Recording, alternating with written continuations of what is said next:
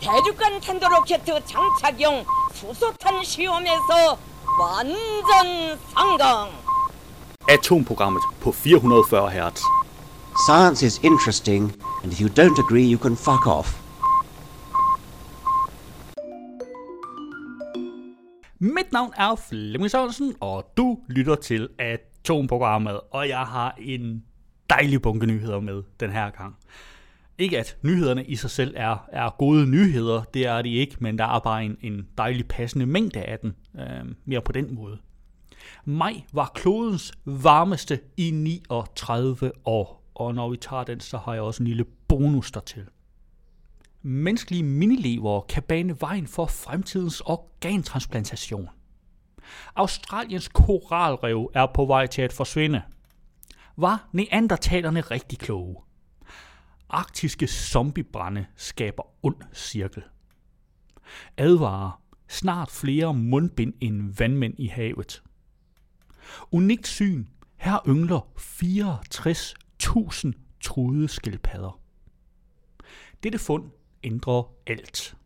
Og det handler om stenfigurer. På BT har jeg fundet, maj var klodens varmeste maj i 39 år. Højere havtemperaturer er med til at give højere varme på land.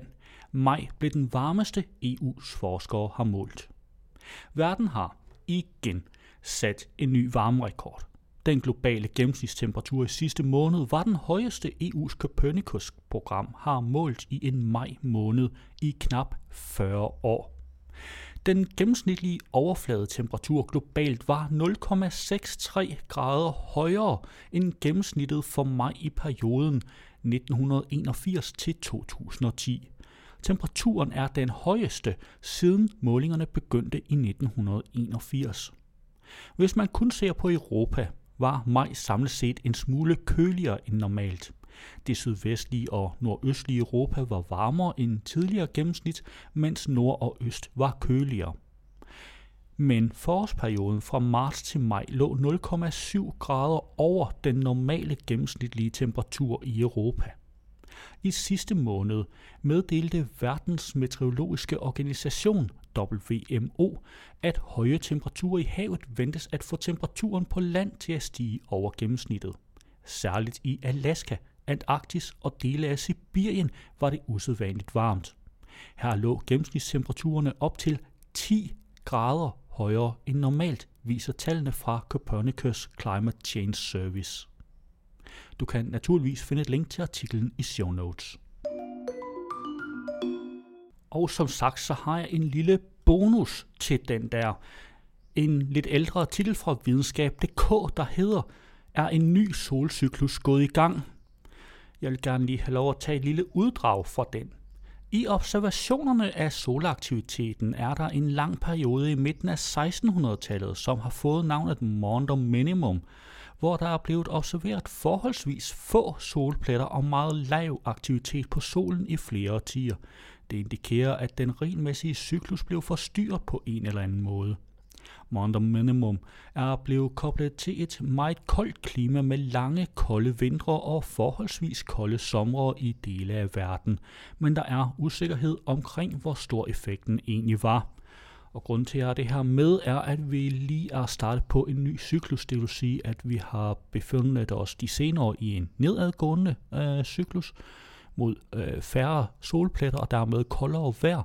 Nu befinder vi os et eller andet sted i bunden af den cyklus, inden vi så ligesom skal begynde at stige igen.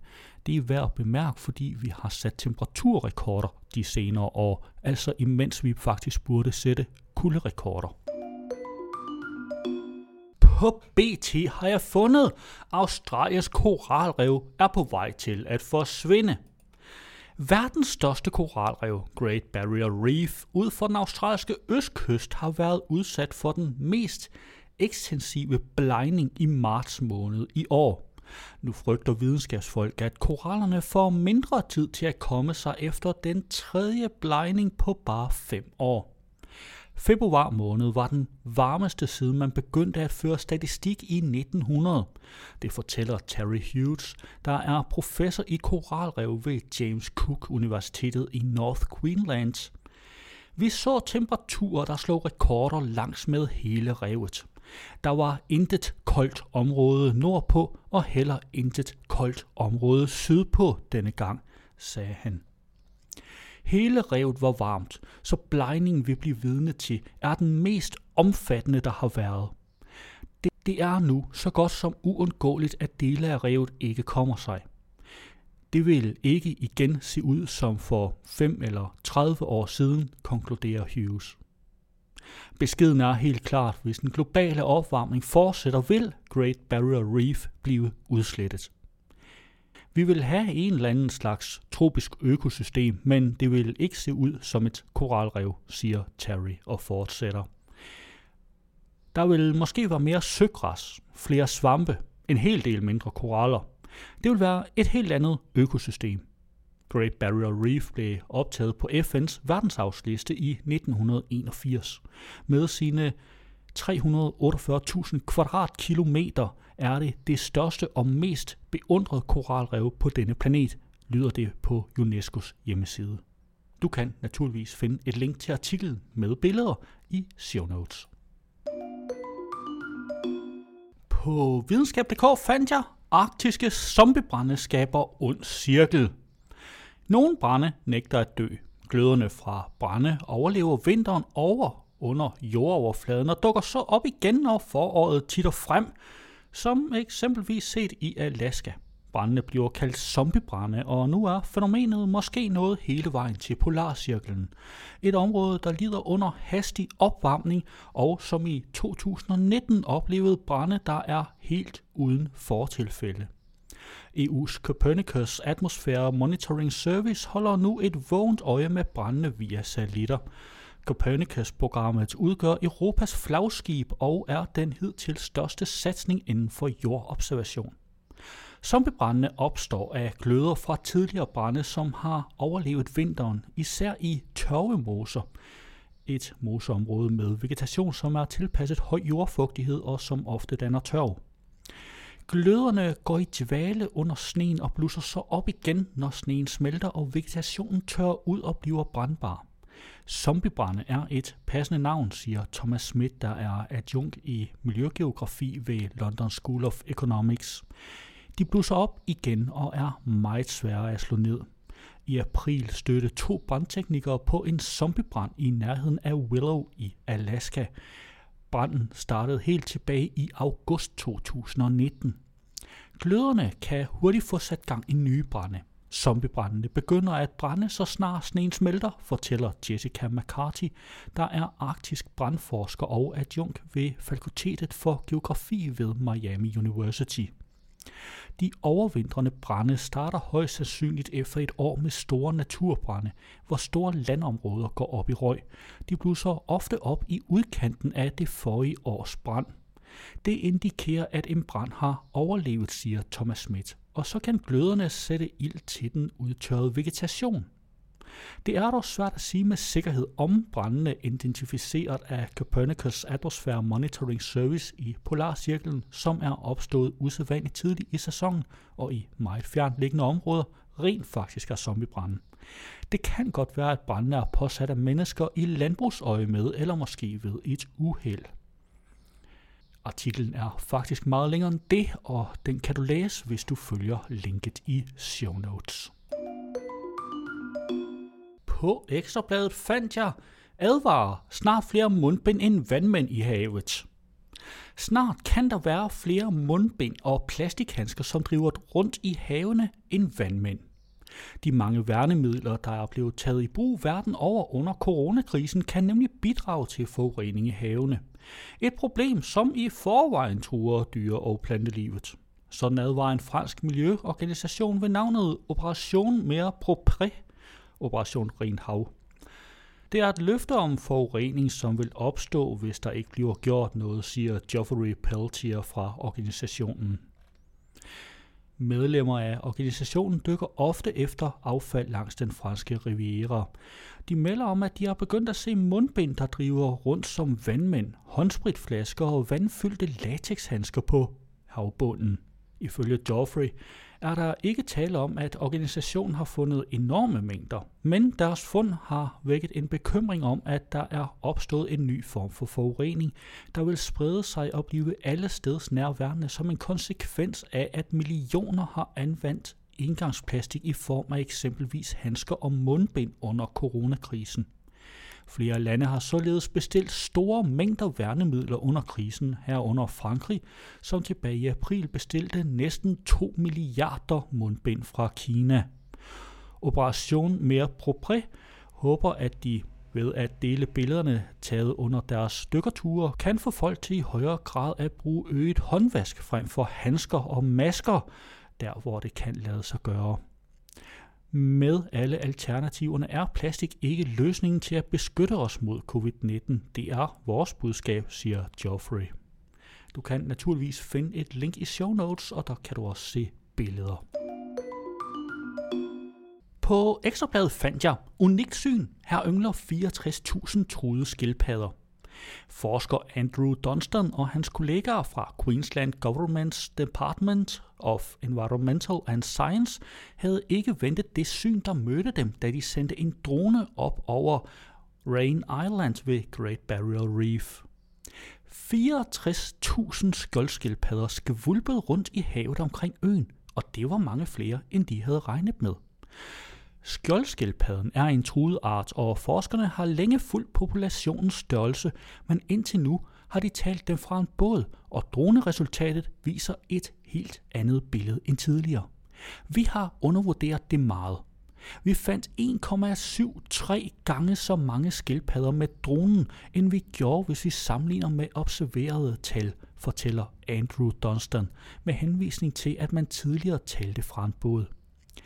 Derfor skal de tidligere data for populationen også tages op til revision nu. Skjoldskildpadderne er truet af både jagt, æggehøst og fiskenet i havet. Vi blev opmærksomme på, at selvom der er en stor mængde skildpadder, så fungerer deres reproduktion ikke særlig godt, siger Andrew Duncan. Forskerholdet har nemlig lagt mærke til, at skildpadderne tit falder ud fra klipper og bliver fanget i solen, og at deres reder ofte bliver ødelagt af oversvømmelser. Du kan naturligvis finde et link til artiklen i show notes, og der er også billeder af den. På ekstrabladet har jeg fundet, dette fund ændrer alt. En stenfigur, der er formet som fugl, er ifølge forskere det manglende led i den måde, vi forstår forhistorisk kunst på. Figuren på billedet over titlen stammer fra stenalderen og er dateret til at være næsten 13.500 år gammel. Desuden er det det ældste eksemplar på tredimensionel kunst i Østasien. 8.500 år ældre end hvad man ellers har fundet. Forskere beskriver den lille figur til at være bevaret helt exceptionelt godt. Den blev fundet i den centrale Henan-provins i Kina ved byen Lingjing, og forskerne har klarlagt, at den er blevet udformet med håndkraft. Med det blotte øje kan det muligvis være svært at se, men skulpturen forestiller altså en lille fugl på en pidestal. Man mener, at fuglens overdimensionerede hale er udformet, så figuren ikke tilter forover. Dette fund identificerer en original kunsttradition og skubber os 8.500 år længere tilbage i forhold til fugle i kinesisk kunst, lyder det fra forskerne. Figuren adskiller sig teknologisk og stilistisk fra andre ting, der er fundet i det vestlige Europa og Sibirien, og det kan være det manglende led i at spore kinesisk statuekunst tilbage til den ældste stenalder.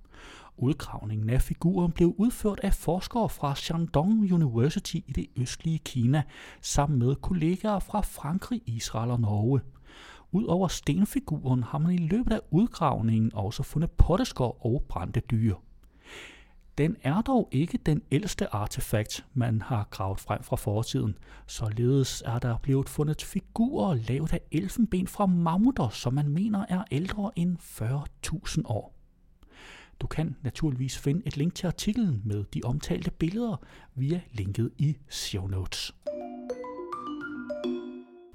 Ja, og havde du så hørt radioudgaven i stedet for podcasten, så ville der her have været This Wicked NASA. Men vi har kun tilladelse til at sende den i radioen, ikke i podcasten. Du kan dog finde et link til den i show notes. Lad os se på nogle af de nyheder, der ikke blev plads til i dag. På videnskab.dk fandt jeg, menneskelige minilever kan bane vejen for fremtidens organtransplantation. Et fascinerende nyt studie beskriver, at forskere har formået at skabe fuldt funktionelle minilever ud af menneskelige hudceller, og at de efterfølgende med succes har transplanteret dem ind i rotter. Studiet peger på, hvordan den nye revolutionerende teknologi potentielt helt kan ændre fremgangen for organtransplantation, og at der i fremtiden måske endda ikke vil være brug for organdonorer. På videnskab.dk har jeg fundet, var neandertalerne rigtig kloge. Der har i længere tid været en strid blandt neandertalerforskere om neandertalernes mentale niveau – Neandertalerne blev i forbindelse med de tidligste fund i sidste halvdel af 1800-tallet tolket som mongoler. Et skelet var på grund af gigt meget julebenet, hvad der blev tolket som tegn på langtidsridning på heste. Eller som ier, som man i England dengang betragtede som lige så dumme som hottentotter. Eller som vilde, der havde forvildet sig til Europa. Eller syge mennesker. Ved århundredskiftets slutning blev de betragtet som menneskets oprindelse, som jo naturligvis måtte være sket i Europa. Efter århundredeskiftet forenedes i Frankrig fornægtelsen af, at det første menneske skulle være tysk, med katolske krav om at få neandertaleren fjernet fra menneskelinjen. Resultatet var en fremstilling af neandertaleren efter bedste vildmandsbillede, som en dum abe med en kølle i hånden stående foran en hule – men denne sejlivede fremstilling er, ved vi nu, mildest talt forsimplet. Spørgsmålet, der diskuteres i forskningen, er derfor ikke længere, om neandertaleren var intelligent, men nærmere, hvor intelligent. Og det her er en lang, lang, meget lang artikel, som absolut kan anbefales at læse. Links til alle artiklerne kan du selvfølgelig finde i show notes. Det var hvad jeg havde for i dag. Vi løs ved næste uge, samme tid, her på kanalen.